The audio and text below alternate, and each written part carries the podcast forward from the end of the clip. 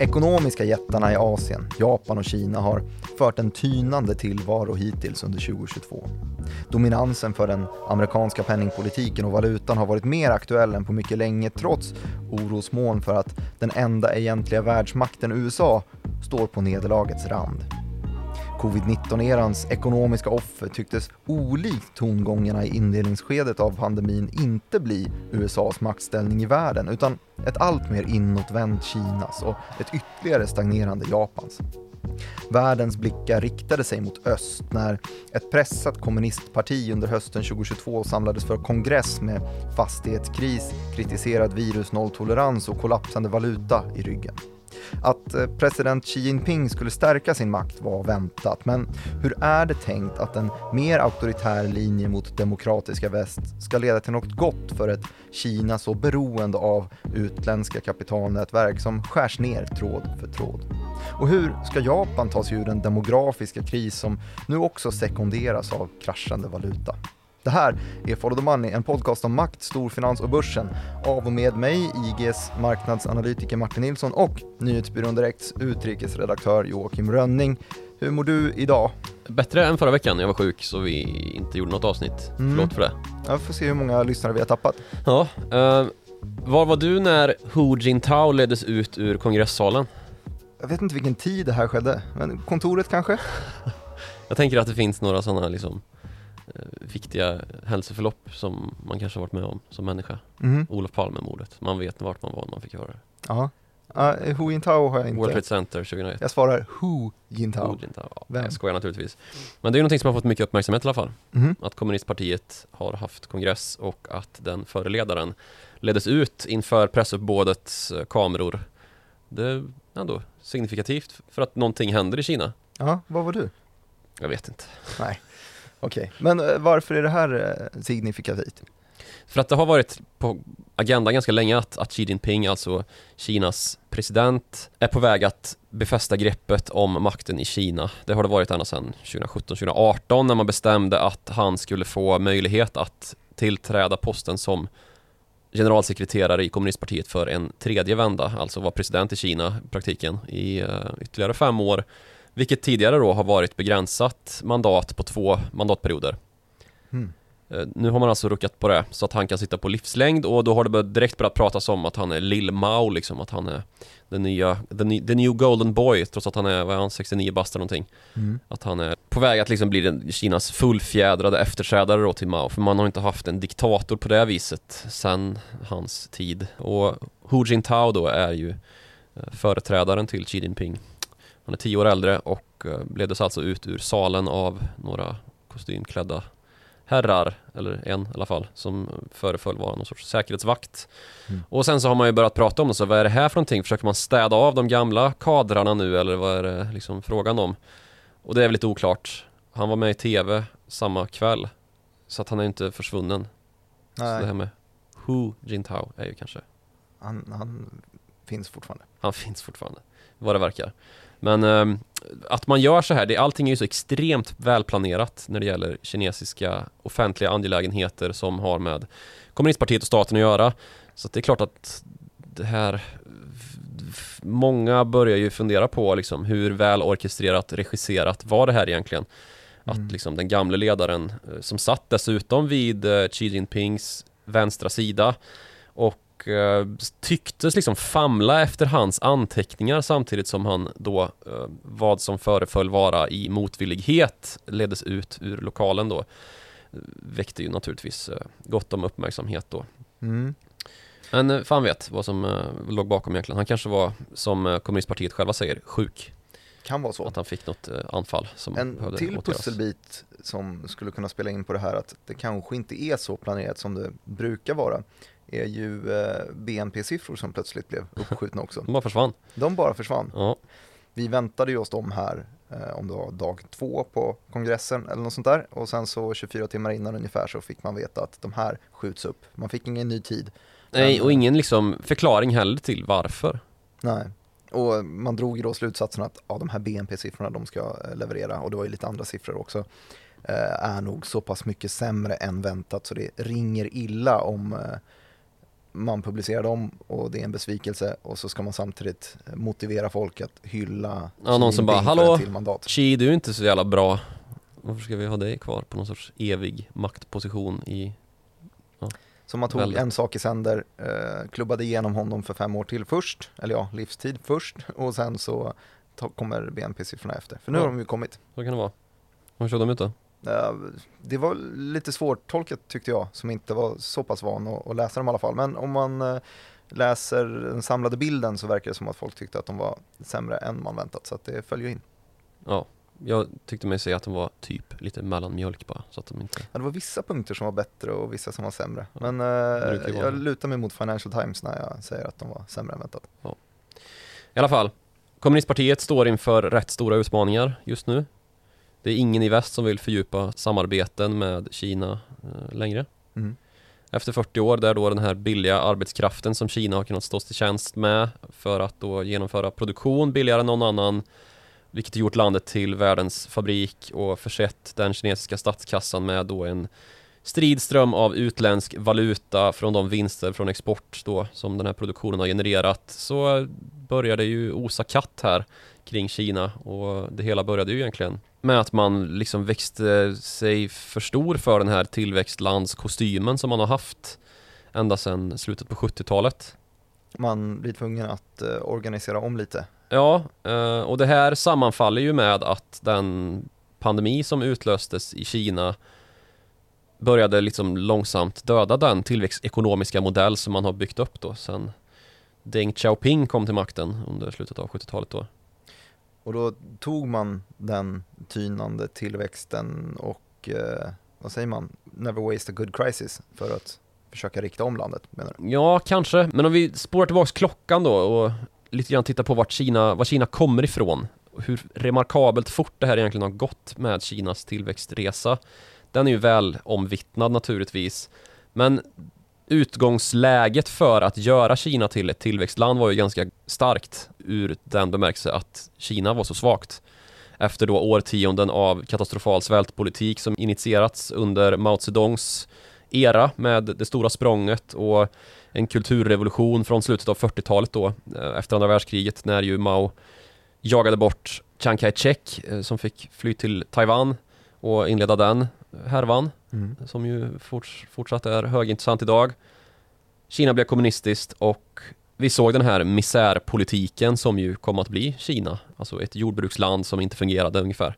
Med planekonomi på femårsperiod. Och inte förrän då Deng Xiaoping kom till makten på 70-talet så kom den här mer extrema formen av kommunism att luckras upp i att man började handla med västländer lite smått. Mm.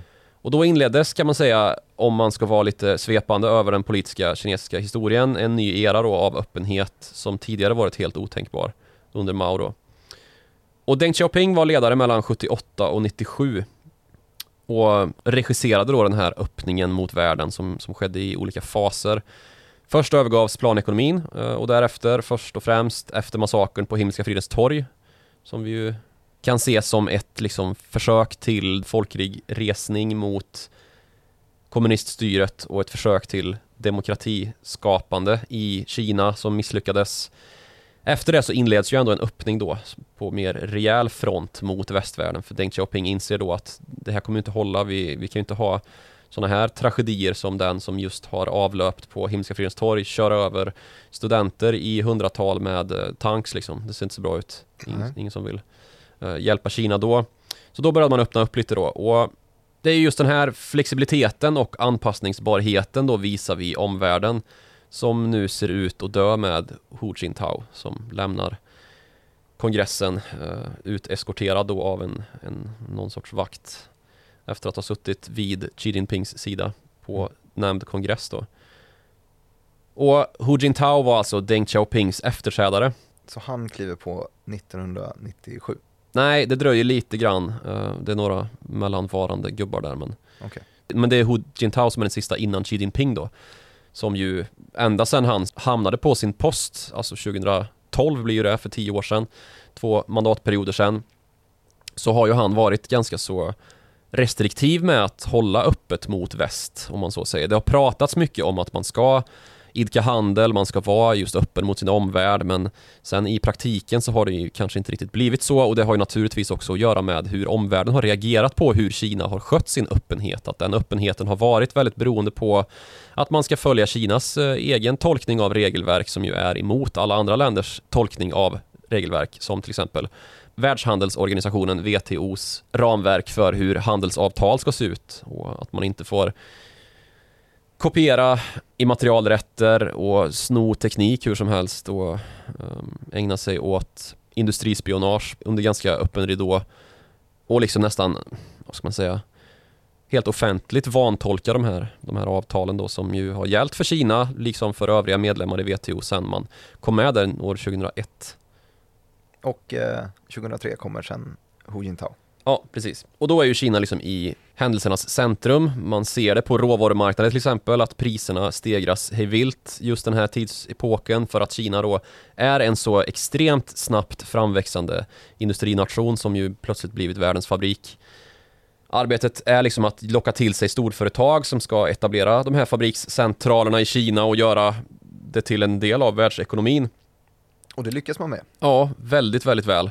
Men eh, nu har man ju inte ett tillväxtlandproblem längre som ju då var det här, hur ska vi få västländernas företag att komma till Kina? Kina är ju nu snarare snuddande nära att vara världens största ekonomi efter att den befann sig då i en tredje världskontext bara för 30-40 år sedan då när Deng Xiaoping äntrade generalsekreterarrollen i Kinas kommunistiska parti.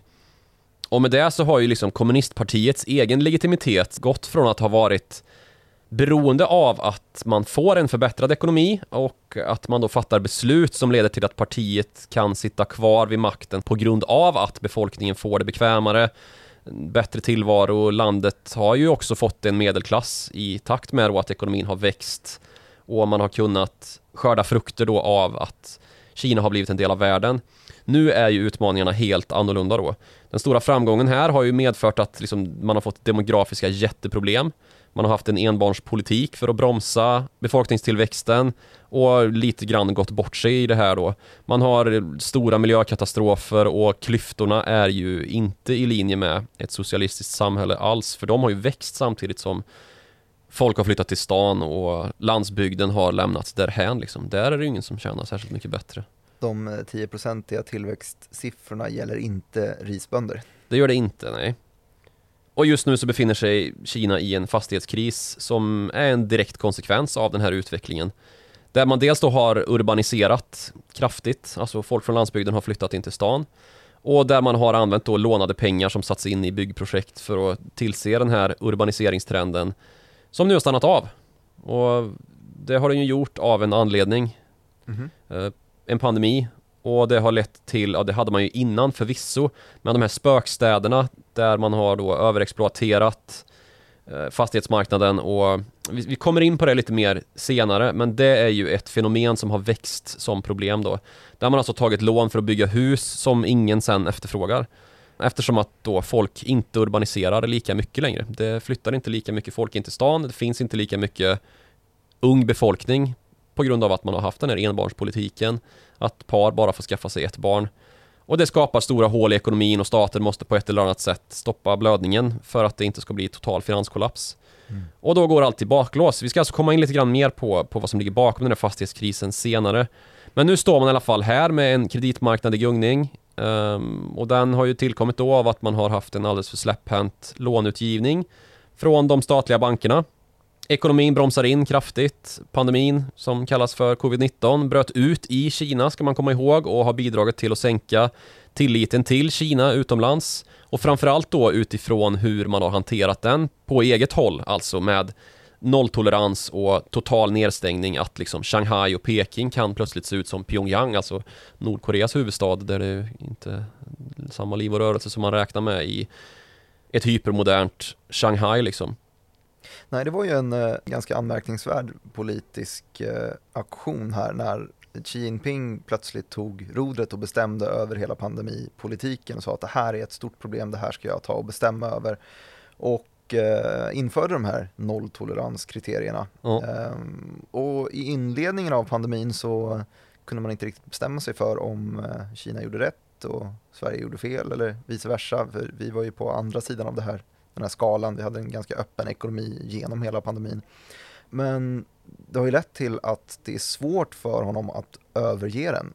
Ja. För det är fortfarande så att vi läser om nya nedstängningar i, i städer där utbrott sker när det kanske inte finns någon, eh, någon anledning för det. Och vi kan nog se också att det här kommer fortsätta och det kan man se då genom tillsättningarna som har gjorts i det ständiga utskottet, det så kallade ständiga utskottet som består då av Xi Jinping och sex andra herrar. De är sju förtrogna men som då styr och ställer över de yttersta besluten för Kinas räkning då. Mm. Den som då tillsätts som andre man kan man säga, som förmodligen kommer bli Kinas premiärminister det är en gubbe som heter Li Qiang som tidigare har varit partisekreterare för Shanghai och alltså haft den högsta makten över att administrera den här nedstängningen som ju har varit ganska så utpräglad för just Shanghai som ju är det industriella navet i Kina idag. Och därmed så petas eh, Li Keqiang som är den tidigare premiärministern. Kan man anta, det här är inte klart än, det kommer röstas fram i mars. Men det kommer förmodligen bli så att Li Qiang kommer bli den som efterträder Li Keqiang. Vilket är lite av en skräll och någonting som också talar för att Xi Jinping stärker sin makt för Li Chang är att betrakta som en bundsförvant medan Li Keqiang har varit lite grann av en påläggskalv som har kunnat ses som ett eventuellt hot då mot mm. Xi Jinping. Jobbigt att de heter samma, Li Chang och Li Keqiang, men ja, ni fattar. Mm. Och det här har ju utvecklat sig lite grann till en mardröm, de här nedstängningarna i Shanghai. Från början så var det ju, alltså innan pandemin, så började man ju prata om den kinesiska repressionsapparaten i form av uigurer och Xinjiang ju. Alltså H&M till exempel som övergav bomullsleverantörer i Xinjiang för att eh, kinesiska staten då började bura in oliktänkande och oppositionella i, i Xinjiang, alltså muslimer kan man säga. Mm. I de här omskolningslägren och skapade den här bevekelsegrunden för stora företag att dra sig tillbaka då från Kina. De har inte blivit mindre av nedstängningarna i storstäder som Shanghai, Peking och, och Guangzhou där det är så viktigt med fungerande logistik, distributions och fabrikssystem för att västländernas storbolagsproduktion ska fungera överhuvudtaget. Vilket ju i förlängningen blir en väldigt viktig inflationsgenerator också om det inte fungerar alltså. Eh, och motsatt då en väldigt smörjande effekt för att vi håller inflationen nere om det funkar smärtfritt liksom.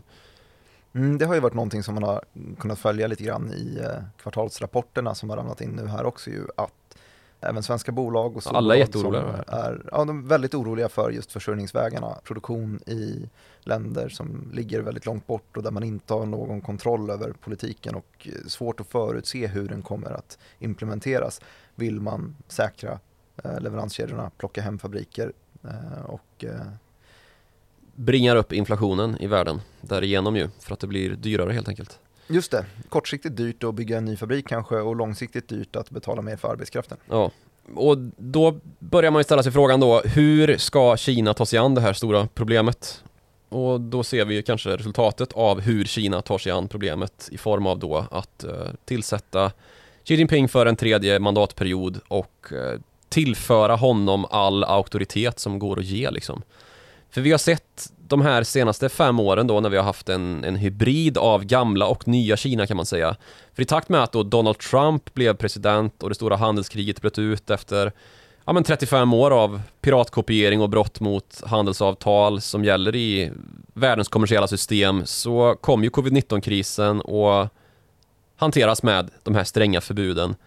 Och där kan man ju se att Kina under Xi Jinpings senaste fem år har gått från en liberalare hållning och marknadsdriven socialistisk modell som ju initierades då av Deng Xiaoping och sen slutfördes, oh, det kanske är mycket att säga, men att Hu Jintao ser ut att vara den sista som följde den röda tråden.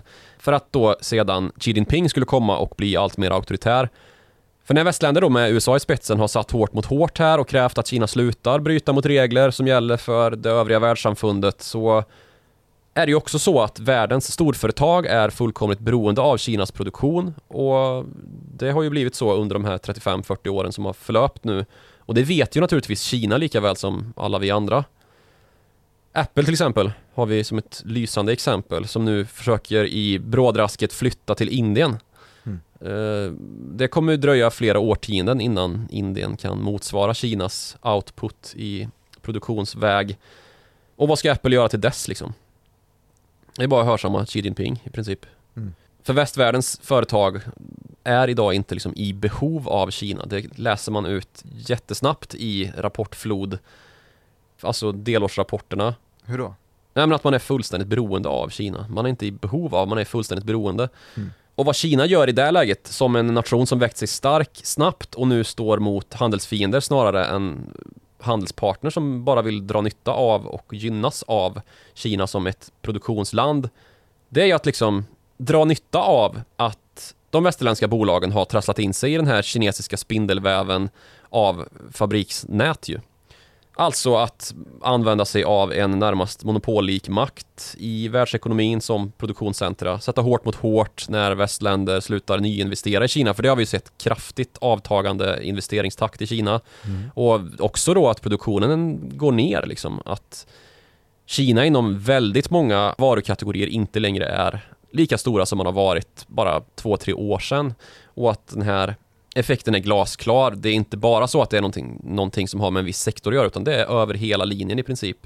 Och det som driver på där då är dels att det har blivit väldigt mycket dyrare än vad det var för 30-40 Ja år precis, sedan. att man har fått den här medelklassen och att det är dyrare att att betala, ja, lönerna har gått upp helt enkelt. Och sen så att det har varit en, en politisk risk att etablera sig i Kina. Ja, och dessutom så har ju Kina skaffat sig militära muskler ju. De har ju stärkts remarkabelt under den här resan som tillväxtnation som nu kan man väl säga nått vägs ände då. För under kongressen så vänder sig då kommunistpartiet inåt och appellerar till kinesiskhet. Det har varit liksom melodin under hela kongressen. Och det följer en tidigare då trend som har varit att man börjar beskatta egna bolag som har blivit för stora och börjat langa blickar utomlands lite grann. Men som inte är en del av staten.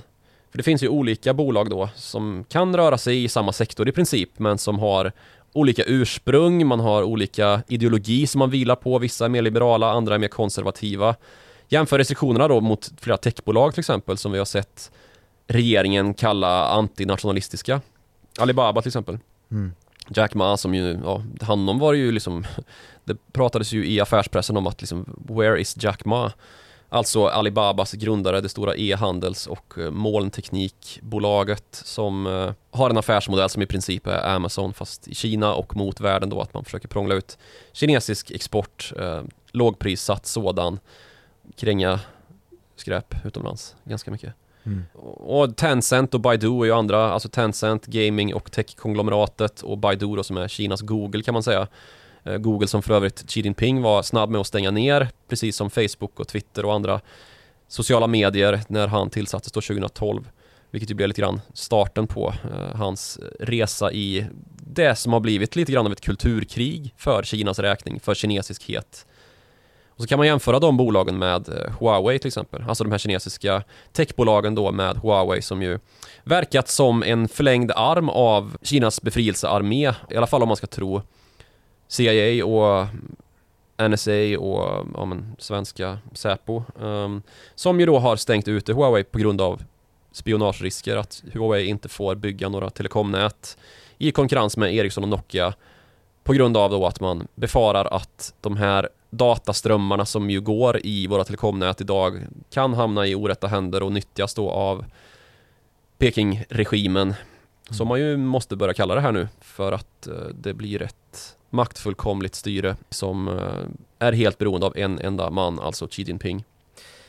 Kinesiska börser de föll ju här eh, ganska kraftigt. Just techsektorn var det som blev eh, rejält slaktad och det var väl då att man hade hopp om att under kongressen få lite ljusglimtar men istället då så vänder man sig inåt och får det motsatta. Ja. Samtidigt som man då sen blir serverade lite dassiga eh, BNP-siffror bland annat. eh, Ja, men det var ju kapitalflykt ju. Och alltså många kineser som bestämde sig för att shit, jag måste börja ta mitt pick och pack också. Alltså Mm. hyperrika kineser som har dragit vinstlotten av den här öppningspolitiken som har förts under 35-40 års tid. Men som nu förefaller vara slut. Mm. För nu pratas det ju då som sagt om traditionalism och kinesiskhet, nationalismen ska spira här och det är ju ofta där man hamnar när man ska slå tillbaka mot omvärlden, att man stärker sig internt istället. Och det tycks ju lite grann som att Xi vet liksom att han kan inte förlita sig på en legitimitet som liksom för hans föregångare då kommer från att Kina fortsätter ta sådana här gigantiska språng i utveckling då. I alla fall inte i lika mycket alltså som, som hans företrädare har gjort. Och då uppstår det här hotet utifrån som allt mer trängande liksom. Att någon till slut lyfter frågan om varför han ska få ha makten. Alltså, äh, vi håller nog inne på de här BNP-talen lite extra. För när ekonomin fallerar så, så kanske det väcks då frågor i leden om varför ska vi ha den här gubben liksom? Han, det funkar ju inte. Och alternativet då för att Xi Jinping ska kunna sitta kvar vid makten är då att han stärker sin legitimitet via envälde. Och det är sån legitimitet man kan hävda att han bygger upp just nu då. Uh, och Genom att tillsätta bland annat nya premiärministern i mars då? Ja, precis. Eller det är inte han som tillsätter den, men det mesta lutar väl åt att... Uh, det är han som tillsätter den. Det är han som tillsätter den, ja. Och hur den här omsvängningen då ska ske i affärslivet, det är ju genom det då att vi redan har sett prov på att det är staten som, som sitter på monopolet för vad som är framgång i Kina. Att man har så stora reglementsmuskler, eller man ska säga, man har så stor policymakt att man inte kan lyckas utan att göra det med statens goda minne ungefär. Mm. Att det, det, finns, det finns ju många exempel på det här, inte minst då Jack Ma som sagt, Alibaba-grundaren. Att han uppfattades vara för uppstudsig, för liberal, han kallade kinesiska institutioner som de gamla bankerna för pantbankssystem som var helt omoderna och fallerade och bara stod i vägen för innovation ungefär och Kinas framväxt helt enkelt. Och då uppfattades han då som enskild person inte vara tillräckligt patriotisk och då var hans saga all i princip. Mm. Inte så att han blev berövad livet men han är ju direkt avpoliterad från den kinesiska affärsvärlden idag. Och det är ju inte han den första att bli. Och här kan man ju hävda då att Kinas fortsatta tillväxt plötsligt står i motsättning till kommunistpartiets ställning som enväldigt och maktfullkomligt då. För kommunistpartiet har nu gått från ett kommunistpartistyre under en kommitté till ett styre i praktiken bestående av Chiu. Eftersom att då, det är bara hans lojalister som sitter med i kommittén. Alltså det ständiga utskottet som då styr och ställer med sju gubbar. Och man brukar ju prata om checks and balances när det handlar om makt, alltså maktutövning. Och att det är viktigt att det hela tiden finns en granskande instans som på neutral basis kan utvärdera beslutsgångar och resultaten av dem liksom. Det saknas ju här. Passar du på att hylla journalister här nu? Ja, det är också något som man inte har så mycket fri tillgång till i Kina och tycka och tänka och sådär. Just det. Och det här med att man hade lite checks and balances även i Kina då, det är ju någonting som Deng Xiaoping införde efter att Mao dog. För på hans tid så var det inte heller skitmycket demokrati och eh, frihet och öppenhet i Kina direkt. Det började luta lite åt det och så var ju västvärlden fullt upptagna med att globalisera och fästa sig vid tanken då att kapitalism är liksom förstadiet till demokrati, eller vad man ska säga. Att eh, om, man, om vi bara liksom kommer dit med vår kapitalism så kommer Kina inte längre klara av att vara ett kommunistiskt envälde utan det kommer öppnas upp för demokrati i förlängningen. Det har det ju definitivt inte gjort och det här är ju liksom spiken i kistan för den idén skulle man väl kunna säga att, att liksom globalisterna får se sin dröm falna lite grann nu. Mm. Eller ganska mycket. Och jag tror lite grann att det var det vi såg då, alltså svaret från marknaden på allt det här. Att den var så skoningslös. Det har ju varit ett svar sedan, sedan länge just att... Jo men det var ju, vad var det, 7% ner eller någonting i Hongkong på måndagen när kongressen var över. Mm. Det stämmer. Eh, och den här typen av eh, press har ju legat på värderingen av alla de här kinesiska bolagen som framförallt har noteringar på, på Nyse på, ja, på New York-börsen. Ja, så kapitalet har börjat fly Kina och en ledande händelse dessutom ju har ju varit att amerikanska tioårsräntan har börjat ge bättre avkastning än den kinesiska. Det är ju märkligt alltså. Kina som ju är en betydligt osäkrare ekonomi än vad den amerikanska är, visst den näst största i världen efter just USA, men Kinas ekonomi är naturligtvis riskablare och investerare kräver ju högre avkastning för att gå dit med sina pengar än att sätta dem i USA. Men det får man alltså inte just nu. Mm. Och då fanns det ju plötsligt ingen anledning att premiera satsningar i Kina längre. Efter att kongressen nu stängt och vi sett den här fortsatta kapitalflykten från Kina så kan vi bara dra slutsatsen att eh, de löften som utfästs och det maktfullkomliga enmannastyre som liksom har cementerats inte gillas av det globala kapitalet. Mm. Och när du eh, säger då kapitalflykt här så menar vi ju i största möjliga mån att det är flykt till dollar istället. Ja. Det är väl i alla fall om man ska utläsa graferna på hur valutapar har utvecklats de eh, senaste sex månaderna ungefär. Så är det absolut, men sen om man tittar på liksom vart de hyperrika kineserna tar vägen så är det ju Singapore mycket. Mm. Och ska man titta på industriell sektor så är det ju att investeringarna istället hamnar i länder som Malaysia, Indonesien, Vietnam, Kambodja, Indien. Så eh, det är ett väldigt ogint läge för Kina just nu när liksom den övriga regionen blir ersättare till Kina som fabriksland och sen så visst det kommer ta väldigt lång tid men som sagt vi har redan sett en kraftig nedgång i Kinas andel av den totala produktionen av varor i många kategorier.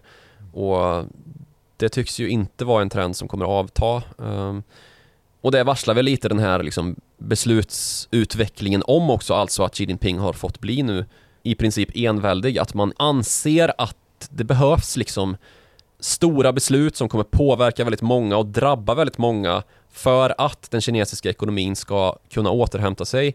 Och det är beslut som man kanske inte kan fatta ens om man är maktutövande under ett system där man faktiskt granskas då av i någon mån jämlika parter, alltså så som upplägget har sett ut sen Deng Xiaoping tog över efter Mao Zedong i det att man hela tiden har riskerat konsekvenser för sitt beslutsagerande efter att ens två mandatperioder som president är slut då. Mm. Eh, det gör ju inte nu Xi Jinping. Han kan ju fatta vilka beslut han vill ungefär och drabba vem och vilka som helst utan att behöva ställas till svars för det.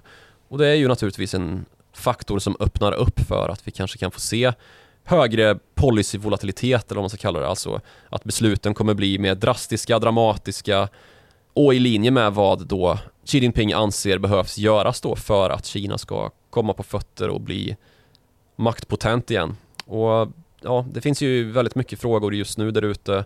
Taiwan till exempel. Eh, att, att Kina då ska ta tillbaka Taiwan, att man har ett militärt övertag i sin närregion just nu som är rätt obehagliga.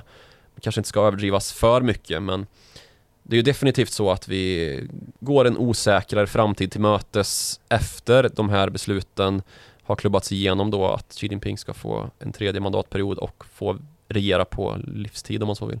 Mm.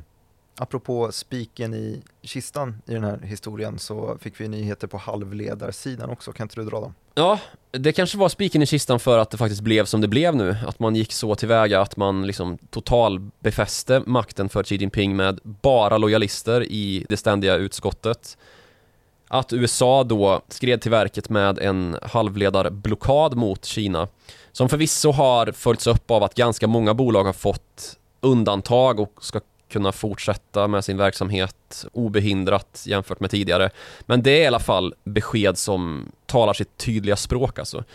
Och det handlar ju då om att USA sitter på den teknologiska utvecklingen här. På ja, du kan i princip inte göra några chip i världen idag om du inte har USAs tillstånd för att det är så mycket patent för både chipritningar och dessutom för den teknik som används för att tillverka chip. Eh, alltså den utrustning du behöver för att överhuvudtaget kunna producera chip idag är amerikansk utvecklade och det i kombination med att USA har sin dollarmakt så vågar ju ingen bryta mot de regler som USA har satt upp. Därmed så är USA i princip maktfullkomligt då inom den här sektorn och det man gick ut med då var att Kina inte får vare sig importera högavancerade chip eller utrustning som då används för att tillverka och utveckla högavancerade chip och då pratar vi de allra mest avancerade moderna chippen. Och anledningen bakom att man fattat det här beslutet då säger man är att man inte vill att Kinas militärmakt ska stärkas för att det här är ju teknik som kan användas för att utveckla moderna vapen. Vi har ett avsnitt om hypersoniska missiler som ju Kina visat sig vara världsledande i till exempel som ju kräver högteknologisk utrustning naturligtvis. Lite av en eh, lyssnarfavorit ju. Ja, den är skitbra. Mm. Det är spännande också med eh, att bara, det finns något som heter hypersonisk missil. Ja, det är det faktiskt. Ja. Och så kan man ju dra sina slutsatser då av att det börjar puttra i Taiwansundet och att Kina har ett övertag regionalt nu då med hjälp av en skitstor flotta som ju bara växer och växer för att man har vad är det typ över 90% av världens fartygstillverkning i Kina som USA och Europa har gett bort bara liksom för att det är billigare där. Precis som med halvledartekniken för övrigt som ju var en europeisk och amerikansk angelägenhet ända till dess att man på 80-talet bestämde sig för att fan det är billigt där borta i Kina och Taiwan och det här TSMC, Taiwan Semiconductor Manufacturing Company, de kanske vi skulle kunna samarbeta lite med och så blev det plötsligt världens största och mest högavancerade chipbolag och det är ju någonting som chefer inom chipsektorn ångrar bittert. Det har jag sett många intervjuer där det sägs att vi var naiva och borde inte ha trott att globaliseringen skulle medföra att vi bara kan ge bort så här viktig spjutspetsteknik. För det, det är för viktigt för ekonomins framväxt att vi har kontrollen över sådana här viktiga leverantörskedjor som vi behöver för att utveckla modern teknik och få upp produktivitet och effektivitet och ja, utveckla robotar och sånt som ju ska rädda ekonomin nu när vi inte längre har folk, eh, demografiproblem och så här. Just det. Vi ska prata lite om Japan sen. Men, Apropå demografi. Ja, precis. Uh, men jag tänker att vi kan börja med att beskriva den här fastighetskrisen i Kina lite svepande. Uh, för den är så det lovade pass... du ja. Ja, jag lovade det och den är så pass väsentlig liksom. Vill du gå tillbaka till uh, eh, 2019 och Evergrande? Ja, eller 2019, 2020 drog väl det igång egentligen om man ska prata själva krisen, men det är liksom pyramidspel som är Kinas fastighetssektor idag. Det har ju sin grund i den här urbaniseringsmaskinen som satte fart när Kina kom att börja industrialisera sig. Mm. Och i ett sånt läge så funkar det ganska bra att låna upp sig när man hela tiden liksom investerar pengarna i saker som kommer generera ännu mer pengar. Lägg eh. till ett litet zombieföretag som måste ha någonting att göra också. Så har du någon som bygger bostäder också. Ja, precis. Eller vad sa du? Eh, jag tänkte på eh, zombieföretagen som gräver gropar och fyller igen dem igen. De måste ha någonting att ja, bygga. För nu har ju det här blivit zombieföretag då av den här lånesnurran som liknar ett pyramidspel. För fastighetssektorn är kanske den bästa förklaringsmodellen då för att förklara Kinas hela ekonomi hur det liksom har kommit till ett skede där de måste faktiskt nu skifta fokus och liksom byta styrelsesätt nästan. Alla har ju sett spökstäderna. Ja, precis. Och med det sagt då så går det här att applicera på liksom brett på hur Kina har använt belåning för att utveckla infrastruktur. Lån som då togs för att rädda Kina undan finanskrisen 2008. Gigantiska lån för stora infrastrukturinvesteringar i höghastighetsjärnväg och annat som nu inte visat sig vara värt insatsen liksom. Det avkastar ingenting. Det är bara sånt som har byggts till höga kostnader och som förvisso har sysselsatt väldigt mycket människor, som har hållit marknaderna i trim, men som lämnar stora hål efter sig när man inte kan liksom betala tillbaka på lånen om man så säger. Själva definitionen av zombieföretag. Ja, precis.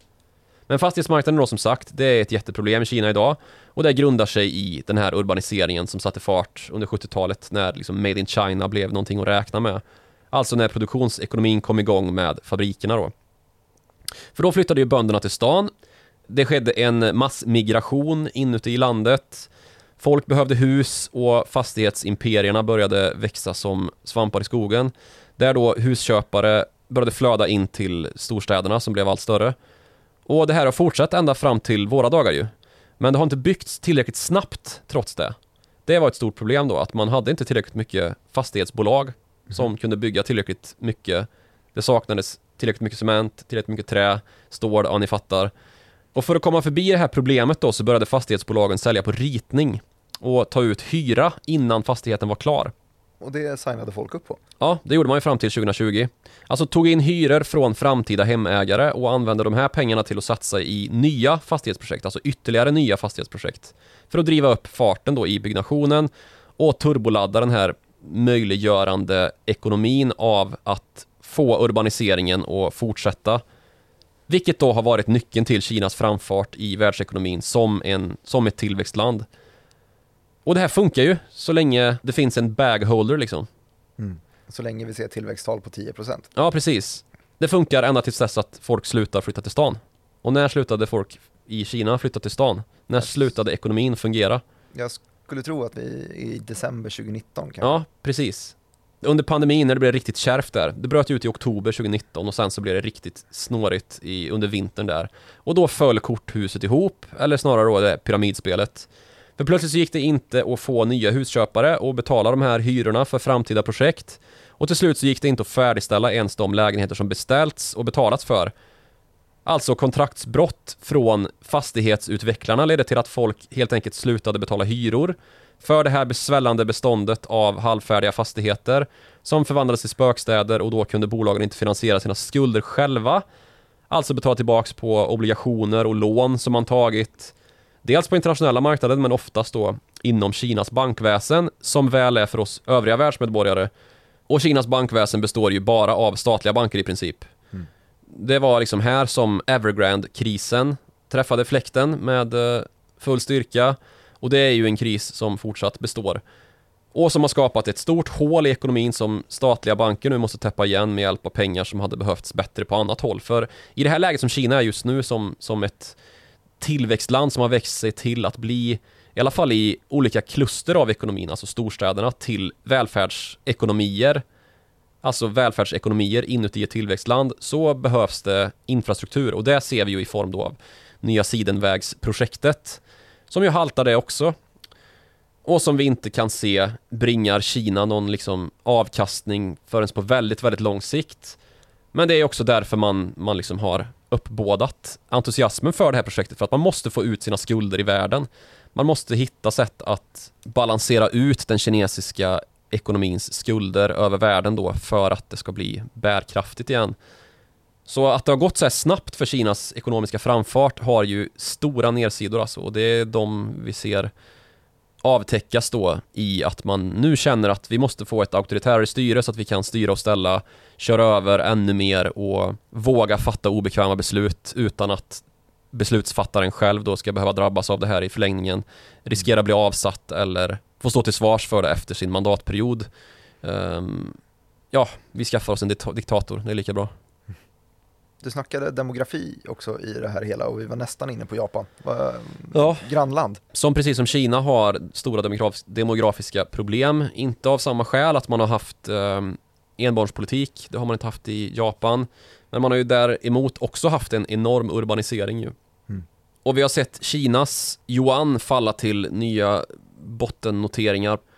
Men vi har också sett den marknadshandlade, alltså yuanen är ju en peggad valuta um, som inte flyter fritt på marknaden på samma sätt som, som den japanska yenen gör. Men även yenen har ju kraschat de senaste månaderna. Mm. Och den viktiga handelsbalansen har fuckat ur kan man säga. Och det såg jag i eh, bland annat IG Markets morgonbrev som du knoppar ihop ja. tidiga morgnar. Du, du envisas fortfarande med, att säga IG Markets. De bytte ju namn till IG bara för -huh. ett tag sedan. Förlåt. Det tänker jag vara noga med nu när jag jobbar där. Ja, i morgonrapporten där så skrev jag om uh, USD JPY eller dollar yen uh, valutaparet som uh, har stuckit ut ganska mycket. Lägger man upp den i en, i en graf så ser man att den sticker iväg där i perfekt timing med när USA började höja räntorna och det är väl kanske inte så konstigt alltså att Eh, den amerikanska dollarn stärktes mot yenen. Fan vad de har legat på förhand där. Federal Reserve jämfört med alla andra eh, Ja men de var ju först med att börja höja räntan och eh, jag var nog med ganska avundsjuka ögon som Japan kollade på det här för de har ju haft i princip obefintlig inflation de senaste 30 åren och är väl världspionjärerna inom det här experimentella kvantitativa lättnader-systemet som resten av västvärlden också lutat sig mot de senaste 10 åren. Eh, men de är också världens tredje största ekonomi. Ja, nu är vi på guld, silver och brons här.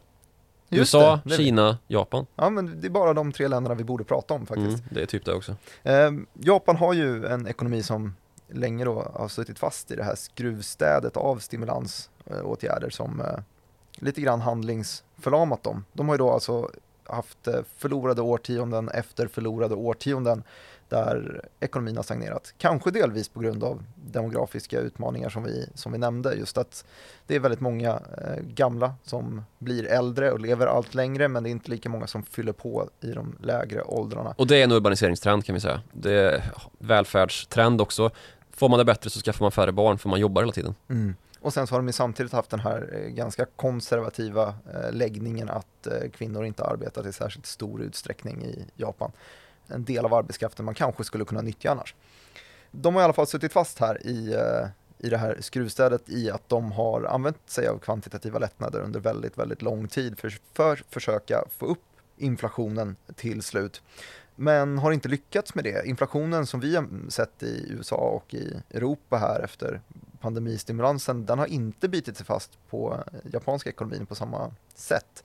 Eh, medan vi har haft 9-10% inflation i Sverige, i Storbritannien, i eh, USA och i Tyskland och så vidare, så har Japan nu till slut, såg jag senaste noteringen här i oktober, att de hade 3% 3% ja. kärninflation. Eh, och de är väl ganska glada i att de äntligen får se lite inflation, för det var väldigt länge sedan de hade något sånt. Mm. Såg en siffra här innan, om man kollade mellan 1992, när väl krisen egentligen satte igång i Japan också, fram till 2021. Också liksom i grund och botten en fastighetskris som gick åt fanders för hela ekonomin. Liksom Eh, fastighetspriser rasade med 80% de åren däremellan så har de haft ungefär ja, under 10% inflation. Jag tror att siffran var 6 eller 7% då, alltså över 29 år, eller vad blir det? Bra räknat. Har de idag alltså eh, knappt haft någon inflation överhuvudtaget. Mm. Eh, Men nu börjar det här bli ett litet problem för Japan. För att eh, valutakursen här har ju då blivit allt svagare gentemot dollarn och det här är då den näst mest handlade valutaparet i, eh, i världen, eh, dollar yen alltså. Och har då alltså försvagats med sådär 35% och det blir ju någonting som verkligen sticker i den här ekonomin när det är ett ganska litet geografiskt sett land. De har inte så mycket stora naturtillgångar utan de importerar, förädlar och exporterar. Och de är över 100 miljoner pers. Ja, det är de också. Eller hur är de det? Det tror jag. Eh, många och eh, stor ekonomi. Fortsätt. Och då förstörs ju ekonomin av den här svaga valutan. Det blir jäkligt svårt att bedriva någon form av funktionell ekonomi i världens tredje största sådan. Men man sitter ju samtidigt fast i det här att man har fått sina 3% inflation, man välkomnar inflationen, vill gärna att den ska fästa sig i ekonomin så att man inte sitter där i nästa 30 år och inte har någon. Eh, Så man vågar inte riktigt försvara valutan, alltså höja räntan det vore ju ett praktiskt sätt att Mm. kunna försvara den på, för då riskerar man ju då att bli av med den lilla inflation som man har. Men nu sitter vi här i någon liten ja, men vändningspunkt nästan. Eh, för att Federal Reserve som då har påkallat den här dollarförstärkningen mot yenen sen de började höja här i mars så har de ju rekordsnabbt höjt till eh, drygt 3% Jag tror att de ligger där, spannet 3 till 3,25 ligger Federal Reserve på just nu. Prognoser, de mest aggressiva prognoserna pekar mot att de kan komma upp till 4% när de är klara med, med sina räntehöjningar här. Men det är i alla fall närmre någon form av vändning än man varit tidigare. Det är det marknaderna har reagerat på här senaste månaden också letat efter de här hintarna. När är USA klara med sin räntehöjning? När kan marknaderna äntligen börja växa igen? För vi har ju då sett aktiekurserna slaktas eh, i och med varje räntehöjning. Eh, så att de närmar sig en, någon form av pivot, alltså att eh, börja sakta ner på räntehöjningarna och kanske så småningom ge en indikation på när man kan börja sänka igen. Sjukt. Och samtidigt så har vi en annan vändning som sker från den japanska ekonomins håll, just att de har sett inflationen komma in. I sex månader i rad här nu så har de legat över inflationsmålet på 2% och senaste noteringen var som sagt 3% kärninflation.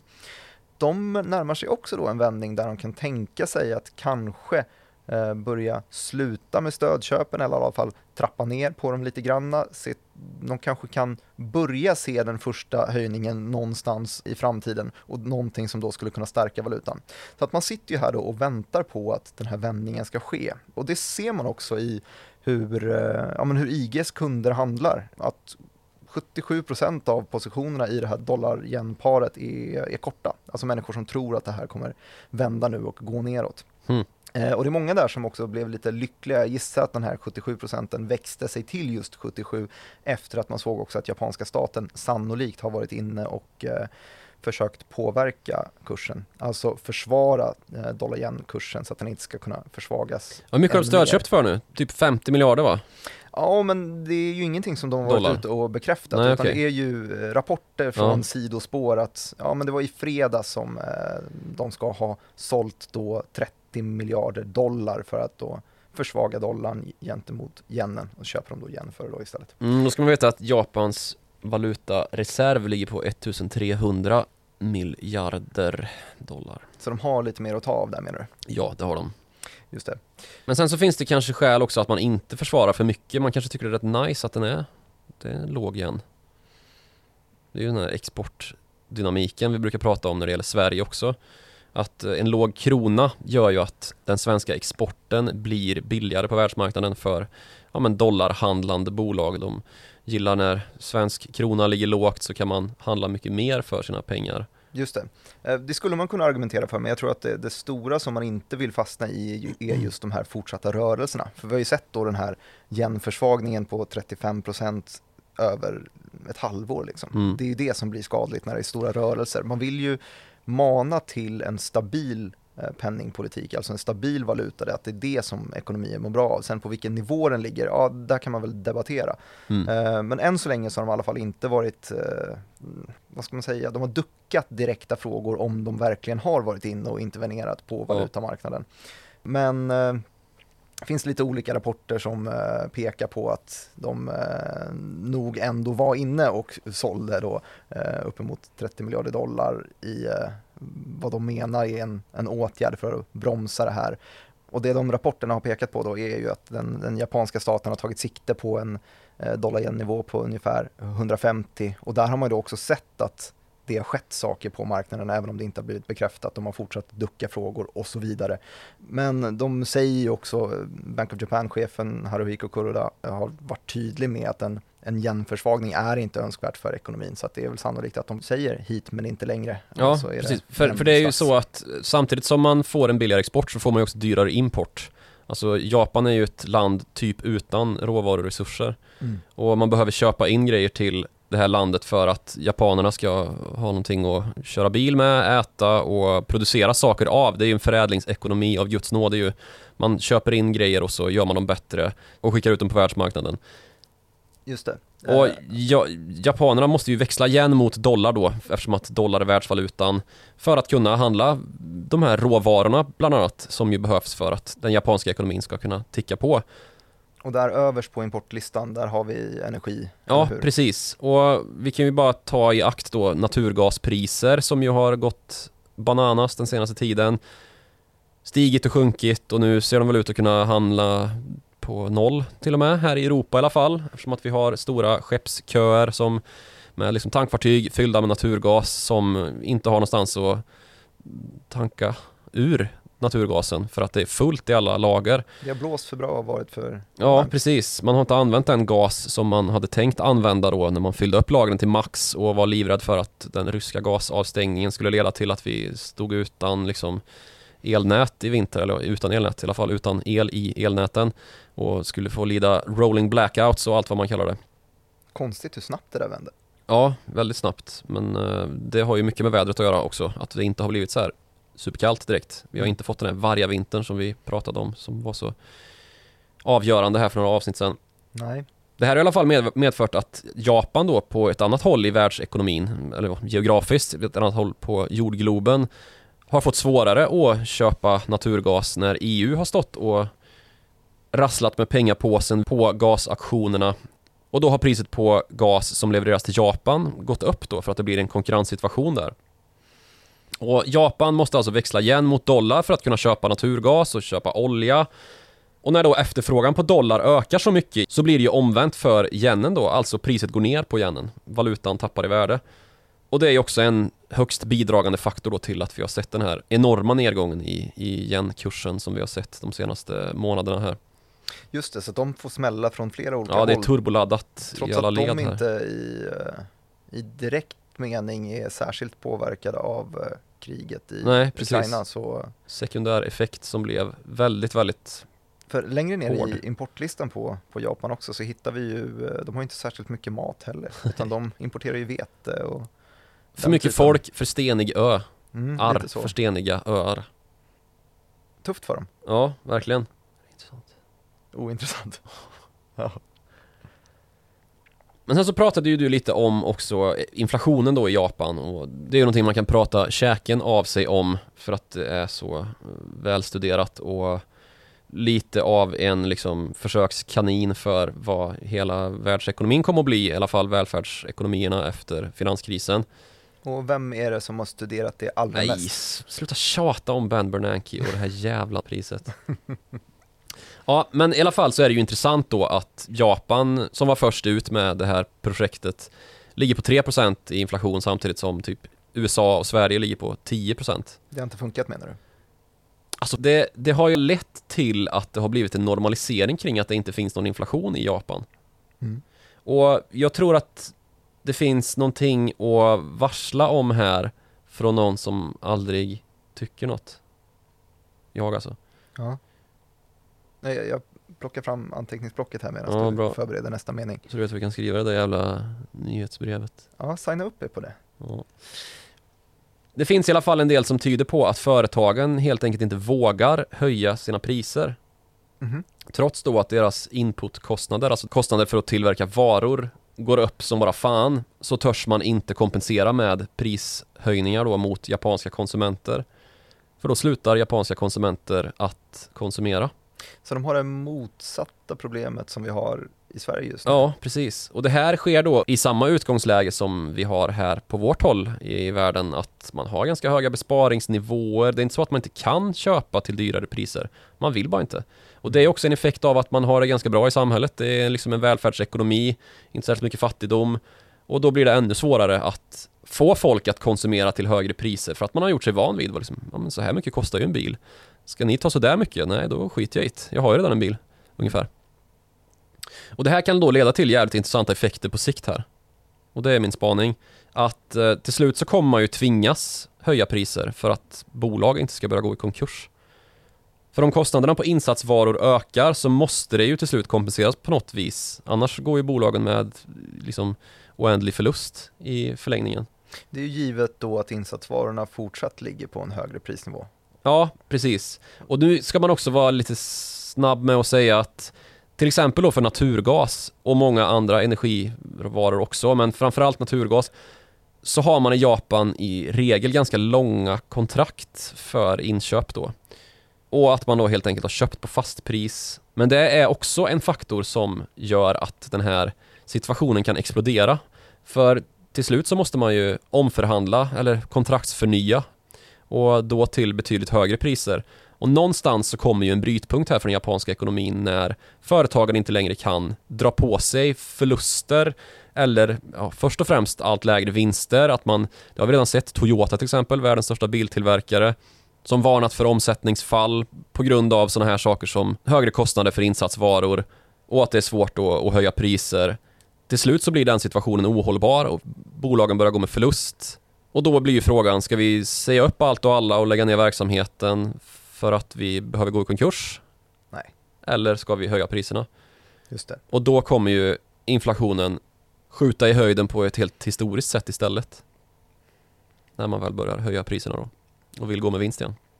Och det är ju precis det här den japanska centralbanken eh, hoppas på. Att man ska kunna få, eh, kanske inte hyperinflation. skjuter i höjden, men att inflationsförväntningarna sätter sig lite högre än vad de har varit tidigare i alla fall. Ja, och risken är ju då att man får en liksom Då får man precis samma problem som vi har i, i Sverige idag. Ja men alltså att fördämningarna bara släpper och man tillåter, ja precis som vi har sett här med andra ord. Ja. Att man bara, ja ja, det är dyrare, det är bara att köra på. Eh, Men i, i lite högre skala eftersom att de har kört i praktiken minusränta i 30 år. Ja precis, det är mer turboladdat. Fan mycket turboladdat i det här avsnittet. Ja. Ja, nu känner jag jag mig i alla fall inte så turboladdad längre. Är du eh, matt? Ja, men om vi ska komma fram till någon sorts slutsats eller liksom Vad har vi pratat om idag egentligen? kontenta här så kan vi väl säga att det båda ju illa för de som tycker att det är nice med en lite så här lugn och mellanmjölkig utveckling i världsekonomin och det bådar gott för de som gillar volatilitet. Mm. Man kanske skulle bli daytrader, Väl, ja, du- swing trader. signar du upp på, på morgonbrevet? Jag tycker det är väldigt trevligt varje gång när det står God morgon Joakim och så Ja. är det du som har skrivit det. Ja, det Ja, jag. inte just God morgon Joakim, det är ju kodat på något vis naturligtvis men eh, ja. ja, det är det faktiskt. Men, Jag brukar eh, säga högt för mig God morgon Martin. gör du det? Ja. Trevligt. Nej det gör jag inte, inte sjuk i huvudet heller. Ja, det är väl bäddat för volatilitet på marknaderna i alla fall som vi har sett här senaste månaderna och eh, det är väl kul för de som tradar men vi hoppas väl att det kanske kommer något, någon botten och något stöd för, för eh, de långsiktiga investerarna i, i aktier också. På tal om stöd, Mm. Du har fått göra alldeles, eller fått, du har gjort alldeles för mycket smygreklam för ditt jävla morgonbrev Det här avsnittet Ja, det har jag faktiskt. Så jag tänkte också nämna att uh, Follow the Money är i lite behov av stöd Just det, vi gör ju en drive för att eh, plocka in nya annonsörer, Ja, reklamplatser. precis, vi gör en drive Eh, där kan man då skriva till followthemoney.direkt.se om man är sugen på att köpa lite utrymme. Ja, Mm, Väldigt bra exponering. mm, Ja. det är det Sveriges bästa skulle jag säga Eh, och är det så att man också har något önskemål om att vi ska prata om någonting speciellt så kan man skicka ett mejl till precis samma mejladress. Eller eh, höra av sig till oss på Twitter. Eh, följ oss. Du heter ju snabel Joakim Ronning och jag heter snabel Martin Nilsson IG. Gött att du inte vet det själv det heter. Ja, Jag har bytt namn nyligen. bra Ja, kul. Tack så mycket för att ni har hängt med den här veckan i alla fall. Och så hörs vi igen om eh, en vecka. Hej!